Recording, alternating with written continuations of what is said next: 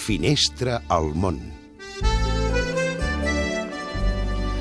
Avui l'obrim a Washington, Xavier Vilà, bona nit. Hola, Lisa, bona nit. Aquí avui és el Black Friday, o sigui, el divendres negre, el dia en què tothom surt a comprar les botigues per trobar rebaixada aquella peça que tant s'han estat mirant durant les últimes setmanes. Com mostra la postal que us acompanyo, i hi ha qui s'ho pren amb calma, s'asseu al sofà d'aquesta botiga des d'on et parlo i espera que la seva parella completi la compra d'allò que sembla que tant necessitava i que finalment ha trobat a un preu insuperable. La febre consumista continua i espera't, encara falta un mes per Nadal.